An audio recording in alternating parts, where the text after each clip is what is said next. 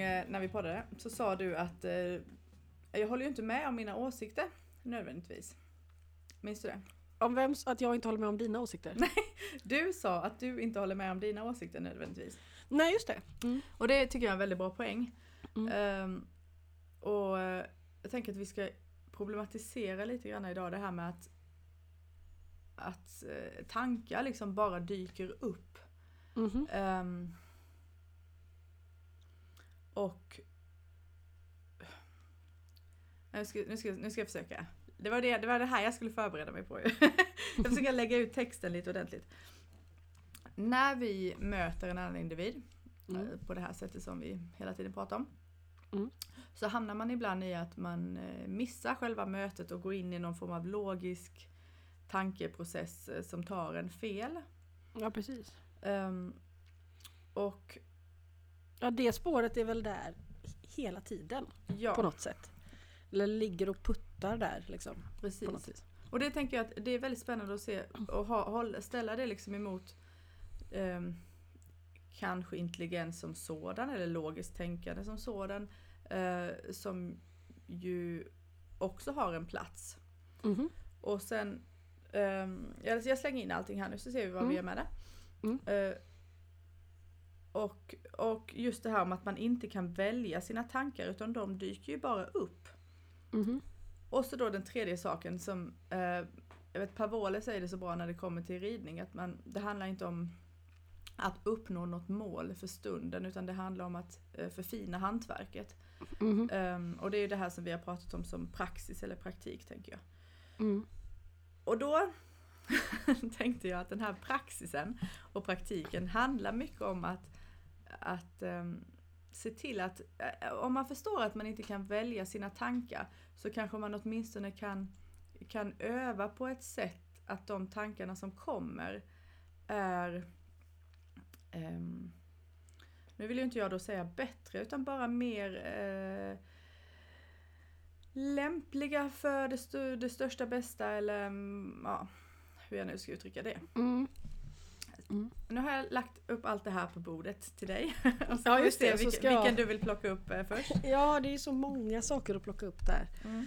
Men eh, alltså jag tänker att en spännande aspekt liksom är ju det här att som du säger att de här automatiska tankarna på något vis.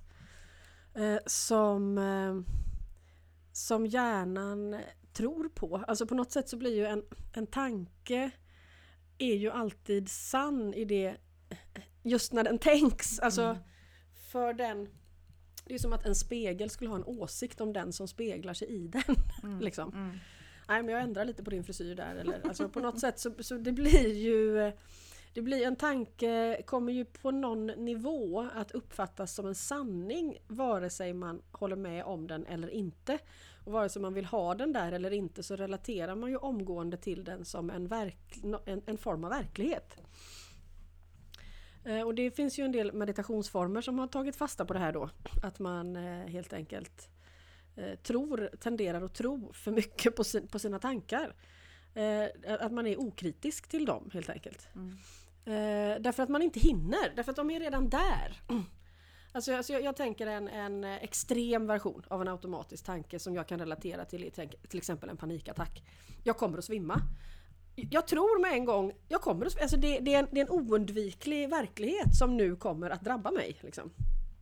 Och om jag lyckas och liksom haffa den där tanken innan den har totalt materialiserat sig så hinner jag ju tänka Men Emelie, har du någonsin svimmat? Ja, en gång i femte klass på ett julspel har jag svimmat. Liksom. Så sannolikheten att den här tanken är sann i en faktisk större verklighet är väldigt låg. Liksom. Men, men den tänks på ett sätt som gör att den uppfattas som ett reellt hot och sen går hela försvarssystemet igång eh, utan att ha tänkt efter överhuvudtaget. Liksom. Jag, vet, jag, jag kommer ihåg en gång när hundarna här drog iväg över, över gärdet liksom, skällande som besatta. Och så när de har kommit halvvägs ut på gärdet så börjar de titta på varandra och så här om jag trodde du visste. Nej men jag trodde du visste. Jaha. Kom de av sig lite och skällde åt lite olika håll och så gick de, gick de hem igen. Och det där tyckte jag, så där ser min hjärna ut liksom. Mm. Alltså, jag trodde, nej men jag har inte heller koll. Nej. Så vad kan man förhålla sig till? Liksom? Mm. Och, och gemensamma liksom, kollektiva tankar som vi har enats om. Så här är det, så här kommer det gå, det här händer om vi gör så här. Det är ju bara samma sak fast, fast liksom i grupp. Mm. Så, så att varifrån kommer, kommer den tanken som har någon slags, eh, som du sa där, alltså koppling till någonting som ändå kan utvidga verkligheten eller, eller bidra till alltings liksom, utrymme på något sätt, eller vad vi Mm. nu ska kalla det här för. Var kommer den ifrån? För den, den måste ju också finnas. Mm. Alltså den, den upplysande tanken, den som är till hjälp. Liksom. Men jag tänker, vi har ju ändå många samtal med andra arter som verkligen blir kreativa och inte destruktiva. Alltså förändrar syn, självbild och synsätt och förhållningssätt till miljön och så. I Samtalen Så- menar du? Ja, Mm. och det, jag uppfattar ju dem genom min tankeförmåga. Mm. Liksom. Annars hade jag ju inte kunnat registrera det som överförs oss emellan i samtalet. Så Nej, den precis. tanken finns verkar ju då och, inte, liksom. vara, inte vara lika liksom, begränsad och sådär automatiskt sann. Men det här är ju e- e- fruktansvärt lurigt vad det gäller kommunikation med djur. För att om jag tror på min självsuggererade tanke som en automatisk sanning så kan jag ju få fram att ett djur säger precis vad som helst och jag upplever det dessutom som sant. Och får jag med mig en, en människa till på det så är det ju definitivt bevisat. Liksom. Eh, Så det är ju ett, eh, det är ju riktigt eh, det är ett gungfly. Det liksom. är det, det är det Mm. verkligen. Ehm, och, det, och det är väl det som jag tänker att den här hantverket då, eller praxisen, Mm. Eventuellt då skulle kunna hjälpa oss att um, manövrera. Mm. Eh, Ja, och där, förlåt nu Mm. Ja, kör på, kör på. Men, men, nej, men jag tänker att det som praxisen för mig handlar om när du säger det, Mm. det är ju det som djur hela tiden påtalar men det blir lätt abstrakt. Eh, och andra arter också såklart, vi ska inte begränsa oss till just djur. Men, men eh, att det tomrummet emellan Mm. är väldigt väsentligt. Det är ju liksom i tomrummet emellan som ja, som alltet kan komma in som ett andetag på något sätt. Där de här automatiska tankarna helt enkelt passerar som små punkter istället för att man sugs upp i dem så att man istället sitter inne i samma kula. Liksom. Om man hårdrar det till panikattacksituationen då har man ju satt sig i kulan. Och, och det, är ingen annan, det är livsfarligt liksom. Ingen annan verklighet är längre möjlig. Mm. På, på en sekund, på en millisekund. Liksom. Ja precis, praxisen handlar om att, Mm. Att hitta det där utrymmet emellan och tomrummet emellan. Mm. Så att det finns en, ja, en möjlighet att, att eventuellt se en annan tanke eller se Ja, någonting annat. Eller åtminstone se den i ett perspektiv mot en intighet. Mm. Därför att då blir den inte, inte den enda möjliga verkligheten och det är ju det som egentligen behövs. Det är inte, ja, det är inte den enda möjliga verkligheten. Mm.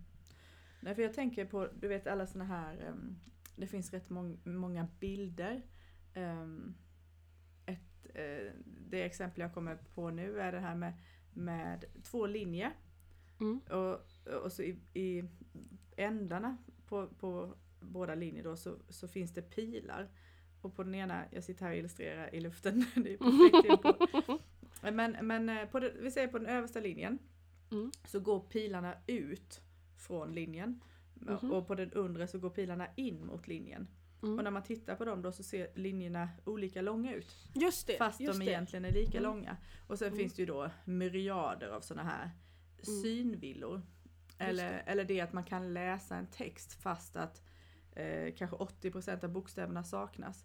Mm. Eh, att, att, att vi liksom får reda på att vår hjärna hittar på och fyller i Mhm. extremt mycket. Det är en väldigt mönstersökande sökande kanske man kan säga. Ja, och där finns det ju, tänker jag också, fröet till en väldigt stor kreativitet. Alltså så länge det, den här förmågan knyts ihop med en grad av omedvetenhet så blir ju alla de här automatiska slutsatserna väldigt krångliga för att de riskerar ju...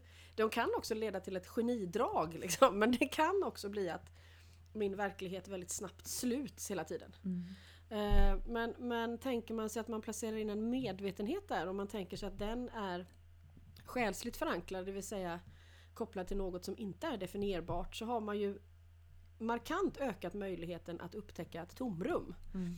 Eh, Och då, där finns ju ett kreativt utrymme som är jättespännande för att om slutsatserna inte längre följer något mönster eh, då kan, kan jag ju upptäcka vad som helst i, i vilken liten situation som helst. Mm. Då behöver man ju inte längre stora bombastiska mirakel till någonting utan då finns det ju en vakenhet eh, som är applicerbar överallt. Precis. Alltså det är ju det, hjärnan är liksom ett, precis som så mycket annat, är ett tueggat svärd. Men Mm, det, men ja, det, för man det kan liksom på- inte kasta ut, kasta, man, eh, alltså, det jag, det jag lite grann tänker, för att ibland, just när man står i de där mötena och, och hör sig själv springa, eller hör, eller hör Mm. sina Ja men det gör man ju på sätt och vis. Alltså, ja. Då, ja precis, man, man hör verkligen sig själv Mm. på sätt och vis. Eh, nej men man kan ju, man, man, det är ju bra på ett sätt då att man hör det för då kan man fånga upp sig men, men det är också lätt att nedslås av att det där Mm. springer iväg. Men å andra sidan så behöver vi också ett logiskt, kritiskt, intellektuellt tänkande. Mm. Och så vidare. Av samma anledning. För att när, ja. där, där- därför att när, också när ens egna och andras automatiska tankevärldar sköljer in som en flodvåg så behöver jag ju kunna känna igen det Mm. på något sätt. Mm. Så, och ja, dessutom då den kreativa aspekten av intellektet Mm. som ju är jätteintressant. Ja, precis, ja, eller hur? Mm. Men jag tänker att det, det på något vis handlar om hur vaken jag är i det här. Och hur mycket som bara, jag vet eh, när man har hamnat i olika sorts situationer och försökt förstå liksom, hur hamnar jag här? Varför blir det så här? Alltså vad är det som driver mig eller motiverar mig till att det blir så här? Att jag kommer så långt av vägen liksom. Vad är det som, vad är det som drar i mig? Ehm, och då är, är det ofta, i mitt fall har det ju varit saker som jag inte alls överhuvudtaget håller med om. Mm. Jag visste inte att jag var så starkt styrd av lojalitet till exempel. Alltså, ja, saker som, krafter som uppenbarligen är högprioriterade i mitt system men som jag inte har någon aning om. Mm. Så, så det är klart att eh, en viss självkännedom eh, tar ju evigheter. Tar ju, man hinner ju inte på ett liv och lära känna sig själv, snopet nog. Mm. Men eh, man kan ju ändå, lite skillnad kan du göra. Ja absolut och, och det är väl tillbaka på det som vi har bru- brukar prata om att eh, eh, ju fler speglingar och dessutom av, av olika individer i det får man ju syn på sig själv. Eh, särskilt om man är Ja det som man är lika och det som man är olika. mhm. För att ja, man har en, Eller möten i allmänhet bara. Om, om du styrs av lojalitet så skulle jag säga att ehm, eh, jag har varit förvånad över hur stort bekräftelsebehov jag har. Mm. Till exempel. Mhm. Inte så smickrande. Nej men det här är ju inte så smickrande. eh, och då är det ju my- mycket lättare att skylla ifrån sig. Att nej men jag måste göra så här ändå för att ja, jag försöker ändå mitt bästa. Och, ja. Mm. Jag tänker att alla de här ursäkterna som vi tycker är tuffa att höra av Donald Trump. eh, inte, jag vill inte ta honom i försvar. Men jag tänker att det är ju lite så ett ego gapar liksom. Mm. I, I någon slags desperat eh, eh, Nej, jag tänker inte plocka ner mig till, till liksom att se verkligheten för vad den är. Mm. Jag håller mig här. Ja precis, vi har det där Mm. allihopa. Ja, absolut. Och det är väl därför det, det blir så jätteprovocerande när det kommer upp på storbildsskärm. Liksom. Ja, för då, där är Mm. speglingen igen, så ser man sig själv. Ja, och det vill man ju inte i det fallet. Alltså det vill man inte. Eh, men så är det. Mm. Mm. Men eh, är hästar och andra djur och andra arter befriade från sån här tjoflöjs? Alltså, befriade skulle jag nog inte säga, men att de kom, verkar inte komma så fullt så långt ifrån. Eller om de gör det så verkar de ha lättare att bryta det och hitta tillbaka till någon slags genuin centrumpunkt. Eh, och det är väl igen det här att om man nu ska definiera egot på något sätt, det är ju krångligt med de här begreppen så att det blir förståeligt med vad man menar. Men, men om man tänker att egot är den pålagda personen som på något sätt finns för att vi ska överleva i en struktur som inte, inte baserar sig på att man utgår ifrån kärnan. Om kärnan då skulle vara skaparen eller skapelsekraften eller därifrån vi alla kommer eller det som är den renaste speglingen, jaget kontra själen. Liksom. Om man eh, eh, om man säger att, att egot för en väldigt långt bort, alltså jag skulle kunna bygga upp en självbild som jag verkligen upplever som helt sann för att jag har tränat in den tanken om mig själv. Eh, och det skulle kunna vara otroligt krångligt att bryta upp den. Mm. Alltså jag skulle få en identitetskris eh, och så vidare. Eh, det skulle bli kanske traumatiskt liksom, på något sätt. Så verkar det som att när djur ställs inför det att den här bilden måste jag bryta ner för den är anpassad till ett sammanhang som inte gör mig frisk till exempel. Då har de lättare att släppa taget och liksom på något sätt sugas tillbaka till kärnan. Mm. Det, det är som att det är en kortare väg dit. Eller något mindre komplicerad. Och om man tänker djur eh, som vi pratat om sist också, men de kan ju få till exempel posttraumatiskt stresssyndrom och där kan man ju verkligen säga att, att automatiska tankar styr fullständigt. Ja, så. Eh, så det är inte det att det inte kan hända. Eh, och djur kan ju tränas på ett sätt som gör att självkänslan och självbilden eller hållas på ett sätt som bryter ner dem, alltså att de kommer så långt ifrån sina naturliga betingelser att eh, hela självbilden välter i den processen eh, och att den då behöver göras om om de skulle återgå till ett mer naturligt sammanhang. Mm. Och då är ju de igenom samma process och samma identitetskris. Och kommer ihåg Farouk när han stod och gjorde upp med sitt förflutna innan han gjorde den här uppvaknande processen och det här han gjorde mot slutet av sitt liv. Det här var lite tidigare.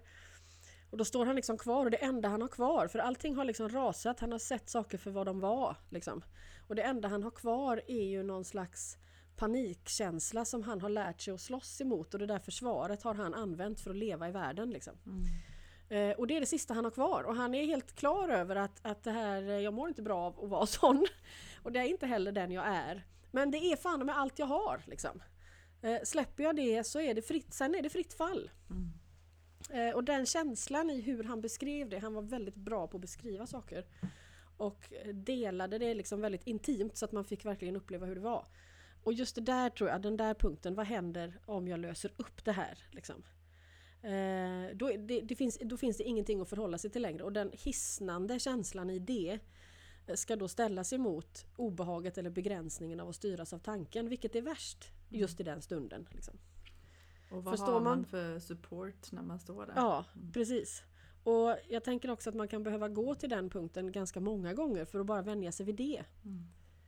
Eh, och så kommer kanske släppet någon gång när man är klar, lite som Fanny och Mio och de här beskriver att Allting i den här processen är heller inte en aktiv handling från min sida utan världen måste också svara. Alltså det måste finnas en att allting är redo på något mm. sätt. Mm. Det här väcker två saker hos mig. Det ena är eh, Är det inte så att hästarna brukar säga att vi människor har en viss tendens att, att upprepa en tanke liksom om och om igen? Mm -hmm. vi, vi, mm. vi, släpper inte den. Absolut. Det är framförallt Sander har fokuserat på det ämnet. Mm. Att varför, eh, varför, alltså så fort vi tänker en ny tanke, vi börjar alltid från den som redan är där. Det är som mm. att och Fanny säger ju också det, har vi gjort en sak en gång så har vi egentligen startat en vana. Det, man behöver inte ens göra det två gånger. Bara mm. att det finns där gör att chansen eller risken att man väljer det spåret igen är gigantisk i jämförelse med att man skulle sudda ut alltihopa och börja i tomma intet. Just som människa då? Just som människa ja. Mm. Och då har vi det här tomrumsaspekten igen. Mm. Jag tänker att det är också det som är Ja precis. Precis, vi har tomrumsaspekten, det är bara att vi, vi bommar på den. Mm, vi bommar på den för ja. att vi vill kunna definiera den och se det igång igen. Mm. Och så börjar man tro på det där man tänker. Mm. Och, och, så vidare. Ja, och så enas man och skapar grupper och ja. ja. Vi, vi, skapar ju med våra tankar och det är ju spännande men jag tänker att vi, vi kanske är väldigt nya på det. Att skulle vi som art eh, lyckas på något sätt att överleva man vet ju inte riktigt som det ser ut nu, nej, men säg, säg, att vi skulle det. Vi kan kanske se efter liksom, helgens val. Ja, ja, kanske x antal tusentals år senare så kanske vi har lärt oss att eh, liksom manövrera på något sätt i den förmågan. Mm. Så att de tankarna som skapar världen på in och utsidan inte är så bundna till så kortsiktiga eh, mer självcentrerade motiv. Mm. Eller att vi i så otroligt hög grad också väljer att styras eller styras bort av känslor. Liksom. Den här känslan vill jag till, den här känslan vill jag inte till. Mm. Det är ju, vi är ju laboratoriedjur där liksom. Ja, på något sätt. Det, Okej, det- jag har, nu, det växer så mycket här. Men jag måste bara gå in på det här med känslor. Därför jag Mm. precis läst om till exempel alltså när det kommer till att, att hjälpa andra. Så är vi Mm. extremt känslostyrda. Mm. Ehm, det är därför man har såna liksom galor och sånt där. Ja. Eh, det, det, lockar liksom folk att, att skänka pengar. Eh, och, och inget fel med att göra det, jag tycker man ska gå på den impulsen. Men om man hade varit ute efter att göra eh, så mycket gott som möjligt så kanske man hade eh, behövt titta på världen en gång till. Eh, Ja, eller också ibland tittat närmare sig. Alltså, jag, jag tänker att det är också lätt att hjälpa andra när det inte påverkar ens liksom, vardagsliv i så jättestor utsträckning. Mm, utveckla det. Är du snäll? Ja, nej, men jag tänker att allting som kostar en själv någonting Mm. eh, blir lite problematiskt. Inte nödvändigtvis men ändå väldigt ofta. Så jag, jag tänker ju på det i mitt jobb mycket. Mm. Eh, därför att man vänder sig till mig när saker har skitit sig många gånger ofta och det här är sista liksom, rycket. Ehm, och då kan det ju vara så att situationen kräver någon form av livsstilsförändring. Ja, det. Alltså den här hästen kanske inte kommer att gå och rida på två år, kanske aldrig. Mm. Eller den här hästen kommer inte kunna stå i ett stall. Eller den här hästen måste stå i ett stall. Mm. Eller vad det nu är som, som välter min vardag och min dröm eller vision av hur det här ska bli eller vara. Mm. Och det är man inte beredd till Nej, oftast då. det, det är svårt. Mm. Det är jättesvårt. Och jag kan se att de människorna som möjligtvis är beredda att göra det, för det händer också, eh, då kan man se att det oftast finns en, en väldigt stark eh, kärleksrelation till djuret. Mm. Inte då på det här begärsättet, det vill säga jag gör vad som helst för dig för att jag står, ut med för, jag står inte ut med att förlora dig. Den här desperata, eh, krampaktigt fasthållande kärleken är inte till hjälp här. Det kräver fortfarande extremt mycket av djuret att orka med det. Mm. Det är som att ha en, en våldsamt kontrollerande partner. Liksom. Mm. Men säg att det är en genuin kärlek till individen. Att ja, men jag är beredd att gå dit du behöver gå med dig. Liksom. Och, när det, och det sker då inte egentligen heller Det blir ju inte ett avkall för den individen därför att det det ger att göra så förstorar ju min värld. Liksom. Mm. Eh, Men det märker man inte förrän det steget är tatt. Så att jag kan ju se att de som, som väljer att kliva av stigen för någon annans skull eh, Det är en väldigt spännande väg. Mm. Och det är inte att förväxla med då självuppoffring eller den här desperata överbeskyddande kärleken där man upplever sig vara göra allt för den andra. Nej. Men egentligen har, har man blivit en en boja om foten liksom. Mm. Mm. Ja precis. Känslorna. Det, alla de här sakerna du beskriver är egentligen olika känslor. Ja, Mm. ja det är det ju. Mm. Fast man kan också säga att den här kärleken som skulle få en att ja, men då, då går vi hit och så Mm. ser vi. Det är ett tillstånd. Eh, det är en lite mer ett tillstånd Mm. ja. Mm. Mm. Men jag kan se eh, liksom vissa individer som verkligen eh, eh, nej men jag tänker på, på de som eh, lämnade Turra här till exempel. Eh, som följde hennes process av att liksom växa ur sin tamhästroll. Eh, helt kärleksfullt liksom. Mm. Eh, det var ingen, eh, såklart säkert vissa dagar väldigt jobbigt men, men, eh, men de mötte henne i det på ett sätt som var väldigt fascinerande att se för den som står på utsidan. Och att nej, men hon, vi, vi tänker inte stå i vägen för att hon ska leva det, det livet hon mår bäst av. Liksom. Mm. Eh, det är väldigt eh, berörande. Ja det är det. Och, och inspirerande såklart och också, också som du sa i, i något poddavsnitt. Det är inte bara det att man, man är beredd att göra det hästen eh, längtar efter utan också om man inte är det att man då eh, hittar andra sätt. Nu. Ja, ja precis. Att, eh, men jag, jag kan inte liksom, ja precis. Eh, hur, huruvida man är med eller inte. Alltså, Ja, precis. Är inte det viktiga egentligen. är inte den viktiga Nej. frågan utan Nej. det är att vi tar den här friheten. Liksom. Mm. Alltså vi väljer att ta den här, vilket man ju då kan se att för innan det blev så att Turra kom hit så kan man ju se att hon bidrog till väldigt djupgående intressanta förändringar hos alla vi som har funnits runt henne. Eh, Så att, att hon val, liksom förändringen av livsstil för henne var ju bara ett, en sak av alla de, ja hur man nu ska säga. Mm.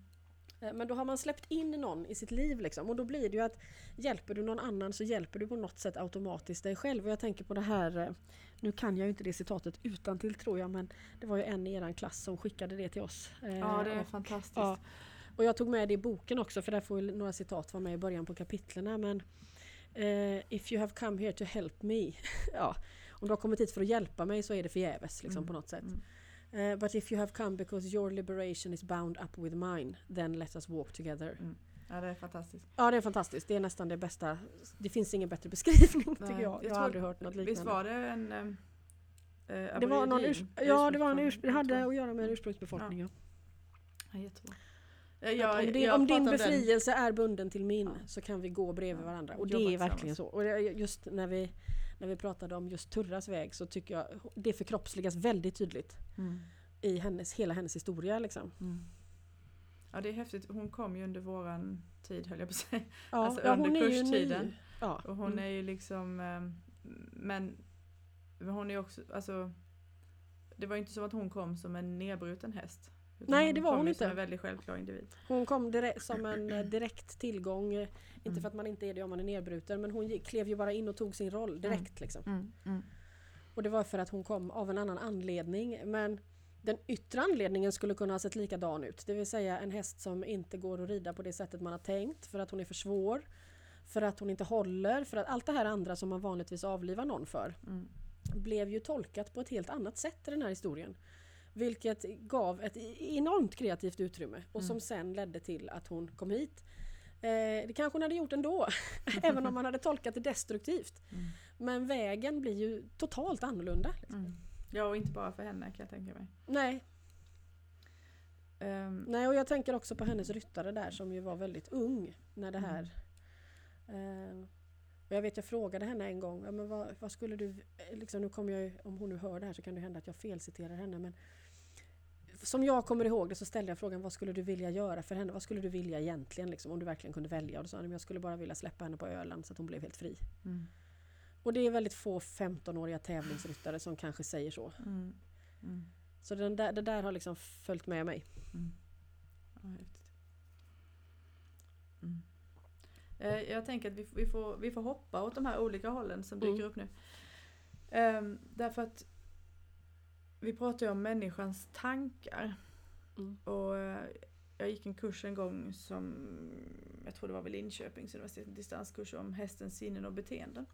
Och jag vet att jag, jag visste ju allt det här innan men jag slogs ändå av det för jag tror att det var ganska bra illustrerat om hur, hur olika eh, vi liksom de facto ser världen som olika arter. Mm.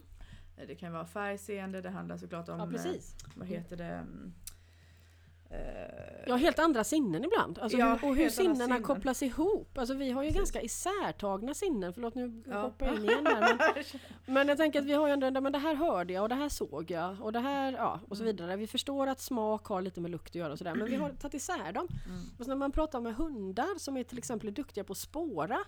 Så är det så, ja men de har bra näsa. Ja fast det är riktigt så, ja. Det är inte bara det, utan det är att alla sinnena går ihop där. Liksom Mm. som gör att doften för med sig så här mycket information. Det tycker jag har varit spännande att uppleva. Mm, Att det, och de kan också liksom höra någonting i kroppen, alltså att det hörs.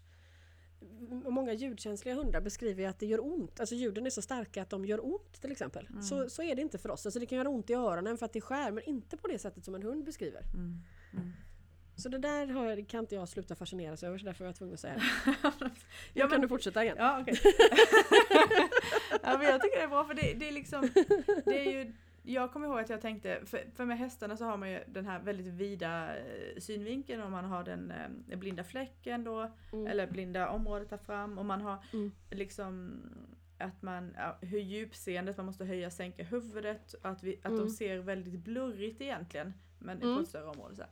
Mm. Och jag kommer ihåg att jag tänkte att man skulle ha liksom en app där man kunde hålla upp telefonen i realtid när man rider och se, okej jag ser detta, du ser det liksom. Det, händer, det händer ju, kommer ju hända någon gång. Ja, det kommer hända någon gång. Men det var egentligen inte, nu, nu blir det lite sidospår, Eller så efter- övar man på det här då och då behöver man inte en, en app. Nej, på, Utan nej. då har man sitt huvud, och det är det lite jag är inne sitt på här. väsen. Vad... eh, nu ska vi se, nu, nu, nu får vi nu försöker jag dela på de här sakerna så vi inte missar en grej. För jag, det jag tänker är så här, eh, är människan ensam om att liksom tänka tankar? Är det, är det tankar som överförs eller är det allt det här som vi har pratat om som energi, upplevelse, vi delar medvetet? Ja men jag tror att det är både och. Alltså jag tror verkligen att det är både och. Då, nu får vi ju svårt. Ska vi utkristallisera vad är en tanke och vad är ett intryck till exempel? alltså vad är, en, vad är en, eh, en insikt som på något sätt landar i alla sinnen och vad är liksom en att jag mal runt för att till slut komma fram till en slutsats i mitt svåra matematiska problem. liksom. Mm, mm, Ja, det måste ju vara flytande gränser här. mm, Men när jag började med detta eh, och liksom ägna mig åt det mer jämt eh, så hade jag en idé om att djur inte hade ett abstrakt tänkande för det hade jag liksom lärt mig. Att djur förstår inte vad vi säger och de förstår inte vad vi tänker men de förstår på något sätt vad vi utstrålar med vår tanke. Alltså de förstår den djupare innebörden Mm. på något sätt. Så det var jag med på. Och sen kom ju katten Sander då. Eh, som den första boken är skriven till. Och välte hela det skeppet. Med, han ägnade sig enbart åt abstrakta tankar och att utforska dem och älskade att befinna sig i sin egen tankevärld. Eh, och uttryckte sig nästan bara i väldigt subtila, snabbt övergående geometriska former. Liksom. Eh, så där fick jag ju hålla käften då. Med allt som jag trodde att jag hade någon koll på. Men när du säger så här, Eh, och, då, och där skulle jag ju säga att det var inte bara att han var en kanal för ett slags universellt allmänt medvetande. Det tror jag också att han var. För att han hade på något sätt plockat bort allting som låg i vägen. Så att han hade ju tillgång till inte bara sig själv vad det gällde inspiration utan också till allt som han mötte i sin väg.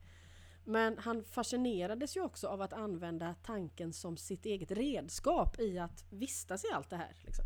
Mm hur, hur kunde du ja. uppleva det? Hur kunde du uppleva att han älskade att tänka på det abstrakta? Ja för att tankarna kom liksom som små trådar ändå. Alltså det var ju ändå skillnad på det omedelbara som kom som de geometriska formerna och det som var hans reflektioner kring det han upplevde. Det fanns ju ändå både och liksom. Också den där känslan av kärlek och fascination för det som sker. Ja.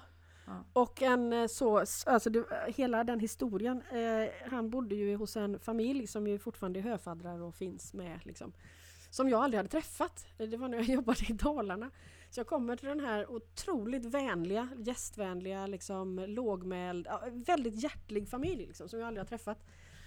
Och ska då kolla hur den här gamla katten mår och så kommer det här som dessutom välter hela min värld så att jag ska vänja mig vid Jaha, eh, och de är alldeles lugna och sådär, ja men ta en kopp kaffe till och det är väl spännande att han är kärnfysiker och så ja. Så liksom, de hade inte alls svårt att ta in det eh, på det sättet som jag hade. Eh, och vi hade ju aldrig mötts innan den, Mm. den, det första mötet där. Det var ju väldigt spännande. Mm. Och, och klart de, de levde med det. På, på, även om de Ja. kanske inte kunde sätta ord på det. Så, det Så visste, någonstans måste de, visste de ju Mm. det. Ja, Eh, Så, så måste det ha varit. Mm. Det finns ingen annan förklaring. Men jag var i alla fall inte beredd. Mm. Det kan vi säga. Mm. Men varför sa du både och då? När jag, eller, Ja, därför att jag tror att det är både och. Alltså att man har ju dels det som inte, som inte är styrt av ens tankar, alltså upplevelser oavsett tanke. Liksom. Ja, just Och sen Ja, ja. tanken. okej, ja men samma som vi då. Mm, ja, jag tror, att, jag tror att det är samma som vi. Mm. Mm. Ehm, Och sen att det är i lika varierande grad då, om man säger Sander som fascinerades väldigt av att tänka. Eh, och djur som inte alls är liksom där det är i princip bara upplevelser och inte man håller inte på och reflekterar liksom, Mm. eller analyserar och samma med människor. Mm. Vissa har ett behov av det, vi till exempel. Eh, Andra inte. Det är inte, finns, Mm. det är inte rätt eller fel liksom. Nej precis. Det tycker jag man märker när man läser höfadderutskicken. Mm. Att en del är mer såhär, okej det här var ditt liv och så här gjorde du det Mm. och sen bla bla bla. Och Mm. sen andra är så här som man bara Okej, det här måste jag nog läsa några gånger till innan Ja. jag fattar halv sju liksom. Eller, eller hur? Mm. och då kan man också se att många av dem som man behöver läsa 14 gånger är höns.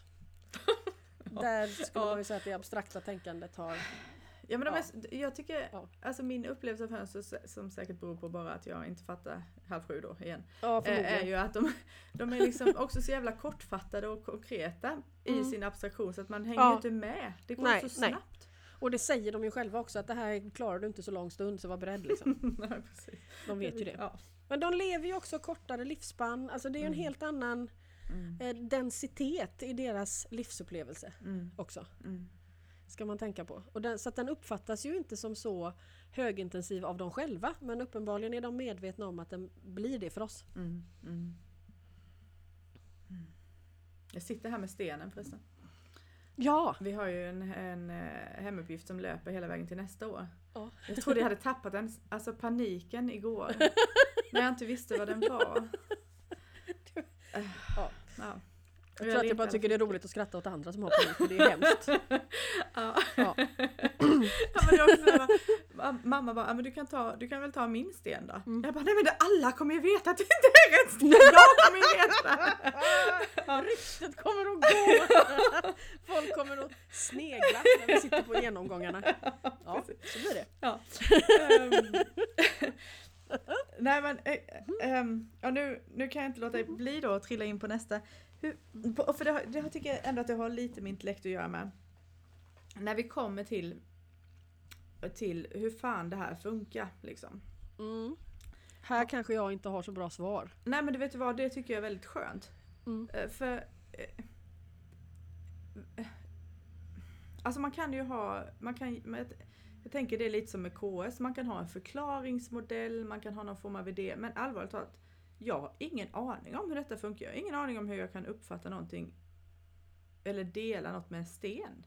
Nej. Nej, och hade man förstått det så hade det ju inte gått längre. Det är ju det. Alltså om jag verkligen sätter mig in i sakernas tillstånd som jag har lärt mig dem i min tid och kultur så går ju inte det. Eh, och då går det ju följaktligen inte heller. Mm. Men skulle du säga att, alltså, har, har, har du någon sån här, ja men, ja men det vi gör är det här och bla bla. Nej, alltså jag tänker att den enda liksom förklaringsmodellen man skulle kunna över- liksom relatera till överhuvudtaget är ju en att man då förhåller sig till en värld där allting som lever är besjälat. Mm.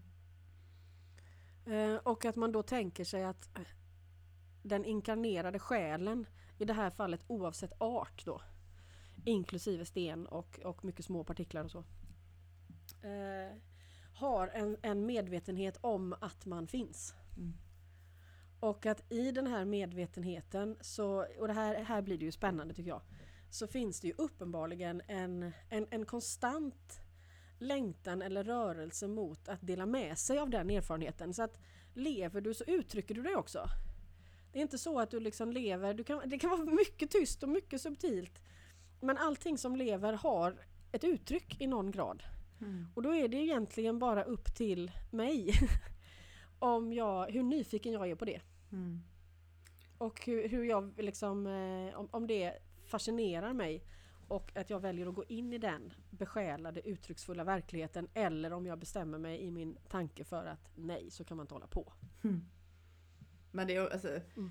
ja, jag, är ju, jag, jag fastnar ju som vanligt här vid själen. För det är ju Mm. också, det, det kan man ju inte riktigt, eller stating the obvious, det kan man inte riktigt förklara. Nej men om man tänker sig, vänta lite nu, om- jag är väldigt avbrytande idag. Ja, men om, på om man tänker att själen är ändå på något sätt, även om man inte skulle kunna beskriva den eller definiera den, så skulle man ändå kunna säga att själen är ju det som består av beständigt liv. Det vill säga som kommer ifrån, ifrån skapar ifrån skaparen. Jag vet vi hade något avsnitt där vi pratade om att ja, men är bordet besjälat? Nej, för det är ändå gjort, inte gjort av skaparen om du förstår. Mm. Att, att eh, det är någonting, det, fin- det finns ett frö som liksom som fortsätter. Ja, alltså jag, jag, jag skulle kunna säga att jag, om jag inte fattar det så kan jag, så kan jag uppleva ehm, ehm, konsekvenserna av själen. eller vad ska Mm, säga. ja, Och, eh, och det är väl, alltså det, på- det är väl så långt det går att liksom. uppfatta. Ja, Eftersom annars så står den ju i en tom spegling i förhållande till, sig, alltså till sitt odefinierbara eh, själv. Mm. Eh, Och där går den ju inte att beskriva. Nej. Men det här, om vi fortsätter med det här då med alltings... Alltså jag, jag, för det, vi brukar prata om att livet vill uppleva sig självt och det, det är något av det vackraste mm, vad det gäller koncept som jag har hört. Va? Mm. Men, eh, men det här som du säger att allting också uttrycker sig. Mm. Vad... ehm, är det liksom någonting som du säger för att det... Eller var kommer det ifrån egentligen? Nej men det kommer bara ifrån min egen upplevelse. Mm.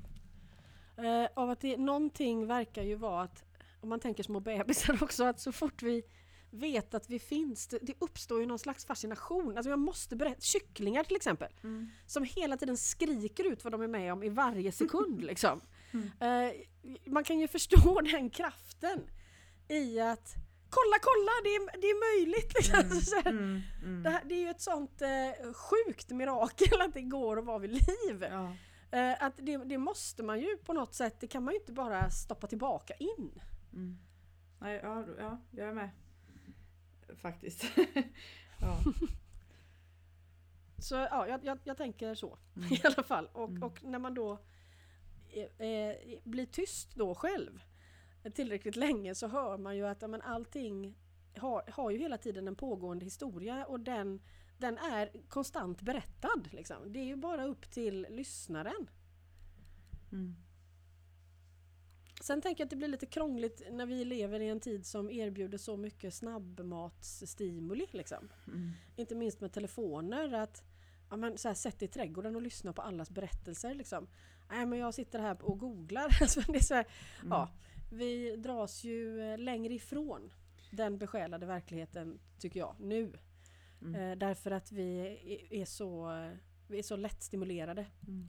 Ja, jag håller med. Så att vi behöver det inte. Liksom. Vi, vi, vi blir matade ändå. Mm. Vi, liksom, hjärnan eh, graderar ju inte nivån av upplevelse. Liksom. Bara vi är med om något så Mm. kör vi på. Mm. Liksom. Mm. Och då missar vi ju de här lite mer krävande samtalen. Mm. Ja men det märker man ju själv. Här, nu blir jag trött. Nu kollar jag om det har Mm. hänt något telefon istället.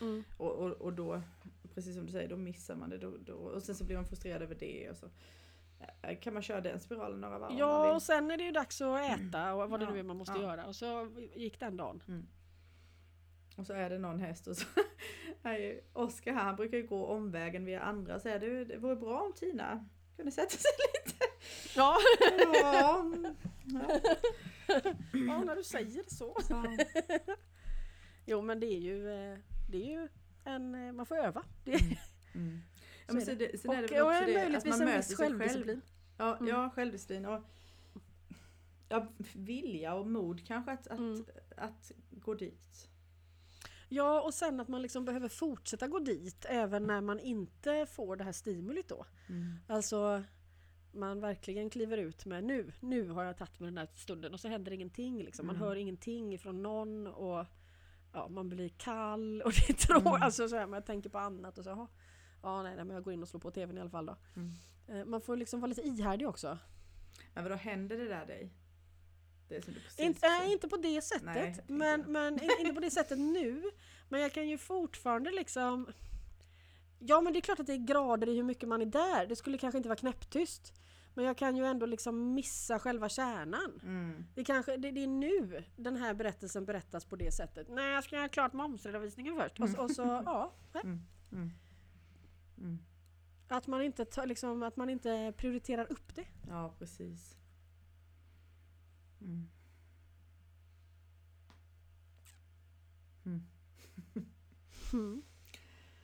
Ja, nej det, det, alltså, det är mycket med detta tycker jag.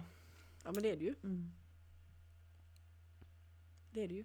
För det finns ju också, det är ju Ja men det är lite som du sa någon gång där, att man, med alla de här lärarna, liksom, varför är jag inte bara där ute? Men det, någonstans är man också, ja men eh, Det går ju ändå. Alltså va, Mm. eftersom att det finns ju ingenstans vi ska.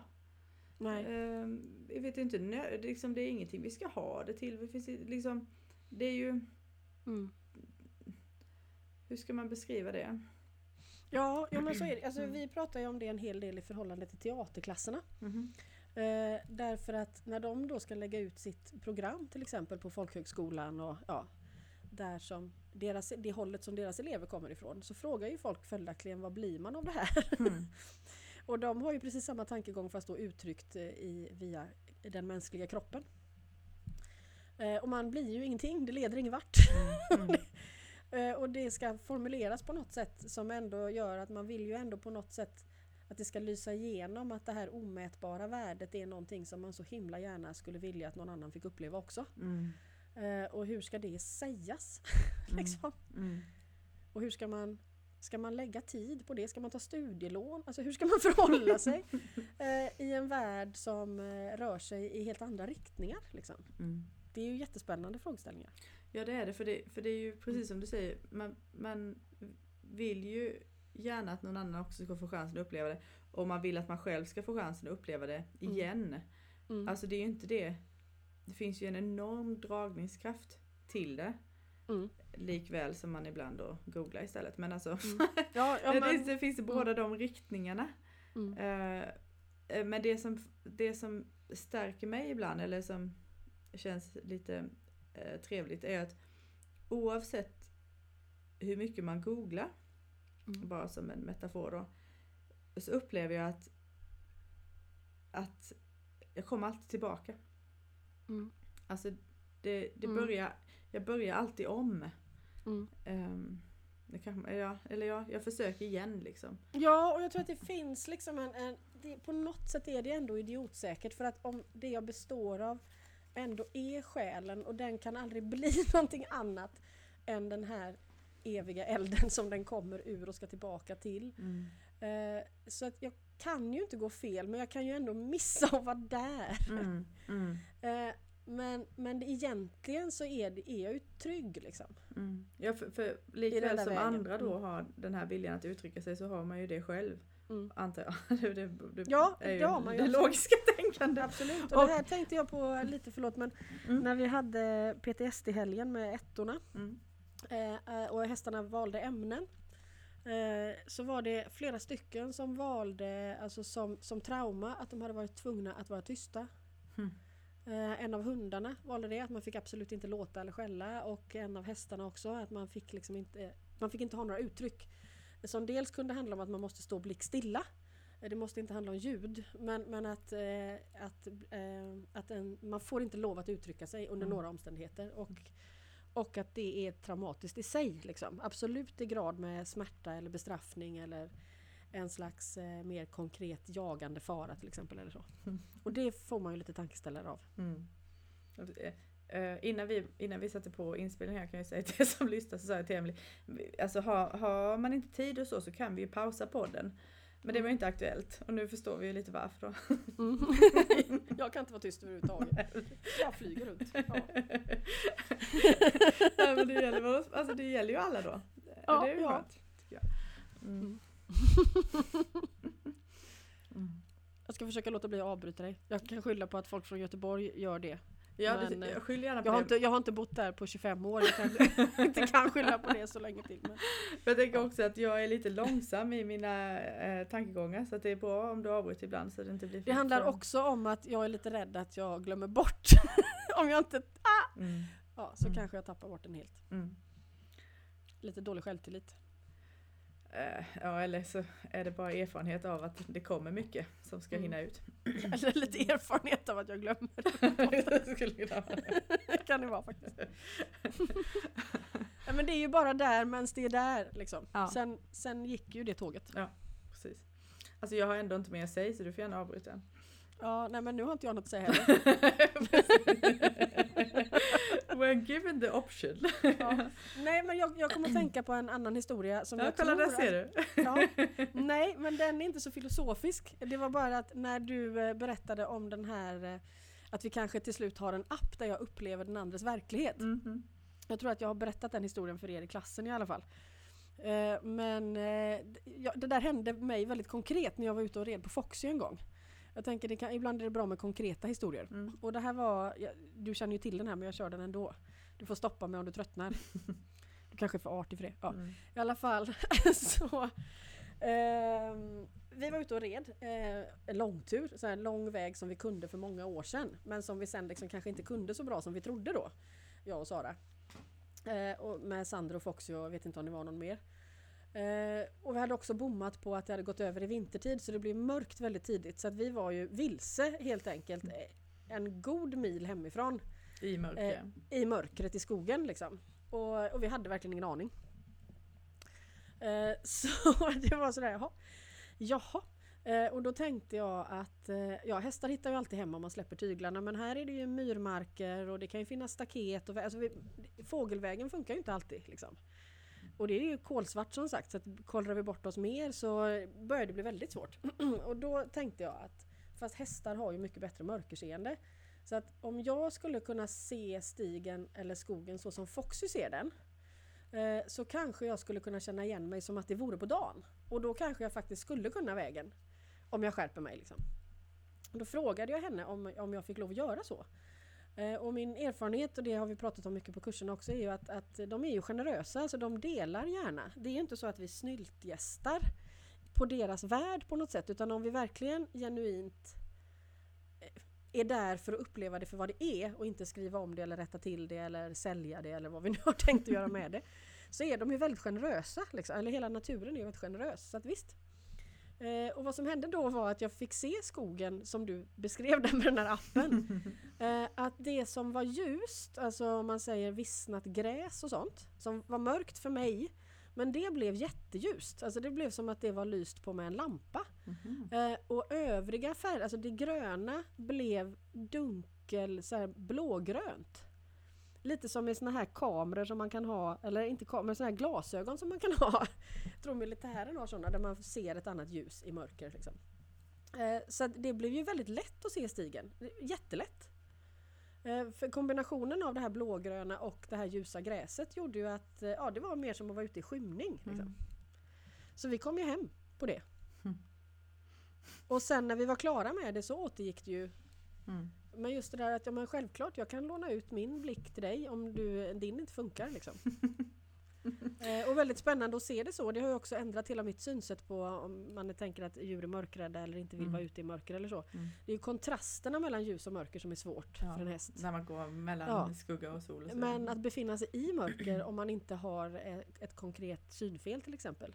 Eller har trauman på det ämnet är ju inte alls vad det samma som för oss att vara ute i mörker. Nej, jag ställer inte frågan hur igen. Jag tycker bara det är så spännande. Men det finns liksom inget huvud mer jag än att- menar det, det finns ju ställdes. inte det. Det Ja. var så jäkla coolt. Det är så fantastiskt liksom. Ja, fast sen kan man ju fundera över ett hur som skulle kunna vara kopplat till att ja, men, om vi alla kommer ur samma källa och så är vi alla de här tillfälliga formerna som är totalt unika här och nu. Eh, men vi är ju samma kolatomer på något sätt.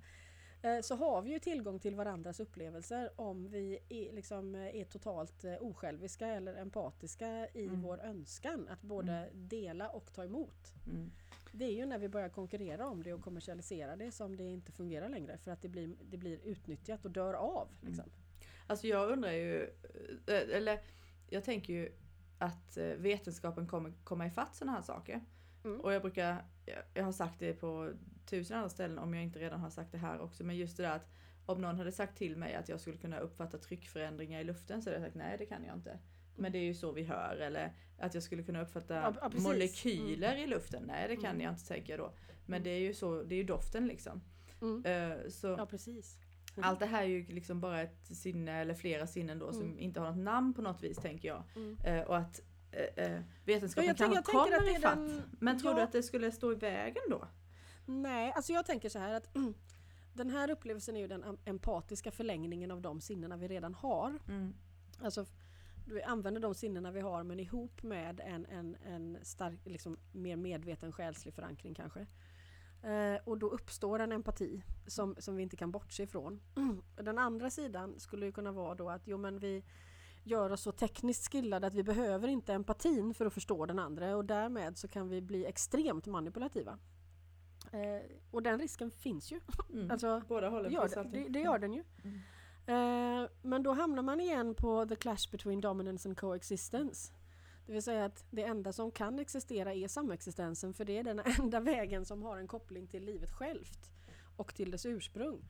Däremot så kan inte the coexistence försvara sig mot dominans och manipulation eftersom det inte finns i dess väsen. Mm. Så att vill jag missbruka manipulera skapelsen för min egen vinnings skull så kan jag det. Det finns ingenting som någonsin kommer att stå i vägen för det. Det är bara min liksom, påhittighet och tekniska skicklighet som avgör.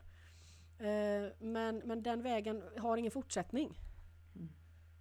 Alltså Det den- betyder, den- inte, det betyder inte att det är goda segrar. Det, alltså, Nej, eh, sa, sa, sa, samexistensen blir krossad av dominansen hela tiden med ett enormt lidande. Eh, men ändå fortsätter samexistensen eftersom den inte kan göra någonting annat än att göra det. Mm. Eh, och eh, dominansen får hela tiden upphöra. Den, kan inte, den har ingenting att fortsätta leva på eftersom den inte har en koppling till själens essens. Eh, Men får då ständigt upprepas istället. Och vilket gör att den kostar enorma mängder resurser eftersom den inte bidrar med något eget liv. Mm. Så därför tänker jag att den är en stor bidragande orsak till miljöförstöring till exempel. Alltså ett överutnyttjande av jordens resurser om man ska Mm. ta den delen av miljöförstöring. Mm. Eh, därför att eh, den, den, har, den, den bidrar aldrig med någonting tillbaks. Liksom. Mm. På något vis är det ändå en, alltså hela den här beskrivningen av verkligheten som um, The Clash Between Dominance and Coexistence eh, utgör är ändå så um, Alltså hoppfull blir ju fel men den är, det är ändå vacker på något vis. Ja, om man slipper att fastna i rätt och fel och ont och gott. Mm. Som ju är någon slags konstant ringdans. Liksom. Mm. Mm. Som aldrig riktigt når ämnet heller. Nej, precis. Mm. Tystnad för en gångs skull. Mm. Även från den lilla göteborgaren. ja, på tal om Göteborg. Jag har tänkt på det i den, den här podden, för jag vet att du säger ibland så här, att ni har samma humor och så, här, så tänker jag för jag har ju en idé om att jag är ganska humorbefriad och jag tror att, att Det är du ju inte! är det Varför också. tror du det? Varför tror du det? Därför, därför att... Alltså nu, jag, nu lägger jag ingen värdering i Nej, det. Men jag det är bara att jag verkligen inte uppfattar dig så. Okej. Så Nej. jag blev helt förvånad bara. Men man kanske kan, jag kanske inte har så mycket göteborgsk humor då? Nej men det kan ju det kan ju det ha sina Stå efter. fördelar. inte stå efter. Ja, ja det, var ju ett, det var ett enormt sidospår men Ja, ja. ja det var det. ja. Eh, ja, vi kanske ska sluta här för vi har ju ändå en helg framför oss som ska handla om frågor utan svar. Ja, det är ju väldigt roligt. Mm. Eh, och det kommer ju verkligen vara så också faktiskt. Mm. Plus att eh, det finns ju något annat spännande med den här helgen som vi kommer att ta upp lite och det är ju att den om man hoppar över den här kommersiella halloween som Mm. ju jag i alla fall är för gammal för att ha tagit till mig liksom. Och jag ser ju alldeles för mycket våldsamma bilder i mitt jobb så att när någon klär ut sig med blod på, jag löser liksom inte det, alltså det blir inte roligt för mig. Men, men vad heter det? Eh, så fick jag lära mig av den gamla eh, irländska damen som jag har varit lärling hos på Irland för länge sedan, Baina, att eh, hon var född den första november. Och hon sa att natten mellan sista oktober och första november är dörren mellan världarna öppen. Jag tycker det var så roligt när du, eller när jag, för jag läste ICA-Kuriren sen av alla tidningar. Ja. Ehm, eh, och då skriver de så här då. Kelterna tänkte, för det var ju, visst var det Celtic tradition? Ja. Mm. Kelterna tänkte att deras döda kom till jorden omkring den 1 november varje år Mm. för att planera inför vintern. Mhm. Och att de krävde gåvor för att hjälpa till och ville kontrollera att de fick vad de begärde. Alltså ja, det, just nej, den delen nej, kanske ja. lite... Men det var ändå så här. Först hade du liksom. skrivit det och sen Ja. bara, ah okej. Ja. Ehm, väldigt spännande. Ja men det är väldigt spännande. Så att Ja. då kan man ju tänka sig att, att man eh, möts eh, i liksom fältet för den öppningen. Vare sig den är sån eller inte så om det finns en gemensam tanke kring det så är ju den spännande i sig. Mm. Så ja. Känns som att Dreimer har mycket att eh, bidra med där. Mm, ja. Eller Dröjmer, förlåt. Mm. Dröjmer, han har eh, förberett idag. Mm. Han har gjort sin kursförberedelse idag. Mhm. Mm. Så han är med. Ja, det är bra. Mm. Mm. Och sen har vi Safir som har stått och tittat på gränsen och sen bestämt sig för att eh, ändå se om det finns några mer äventyr i kroppen att hämta. Mm. Eh, Så hon har ju berättelser därifrån. Mm. Ja, jättespännande. Så, Ja, det blir det. Och just och så blir det ju en del övningar som inte är lika guidade kanske. Mm. Mm. Det tycker jag är kul. Så, eh, så får vi se. Vi vet ju så väldigt lite själva. Mm. Men, Det är också kul. Ja. Så- ja, det är, Jo, det är men det min är läggning. liksom- Mm. Ja, och sen är det ju att eh, eh, de här övningarna som tillkommer, som, och det är samma nu denna helgen med, med natur mycket och så, att de har ju inte vi prövat själva utan de prövar ju, prövar ju vi när vi gör dem med er. Liksom. Mm. Mm. Mm. Får vi se om ni får någon uh, redogörelse för detta nästa poddavsnitt då. Kanske. Eller om det blir det här tysta avsnittet. det ligger alltid och lurar framför oss. Ja. ja, tack för idag. ja, tack!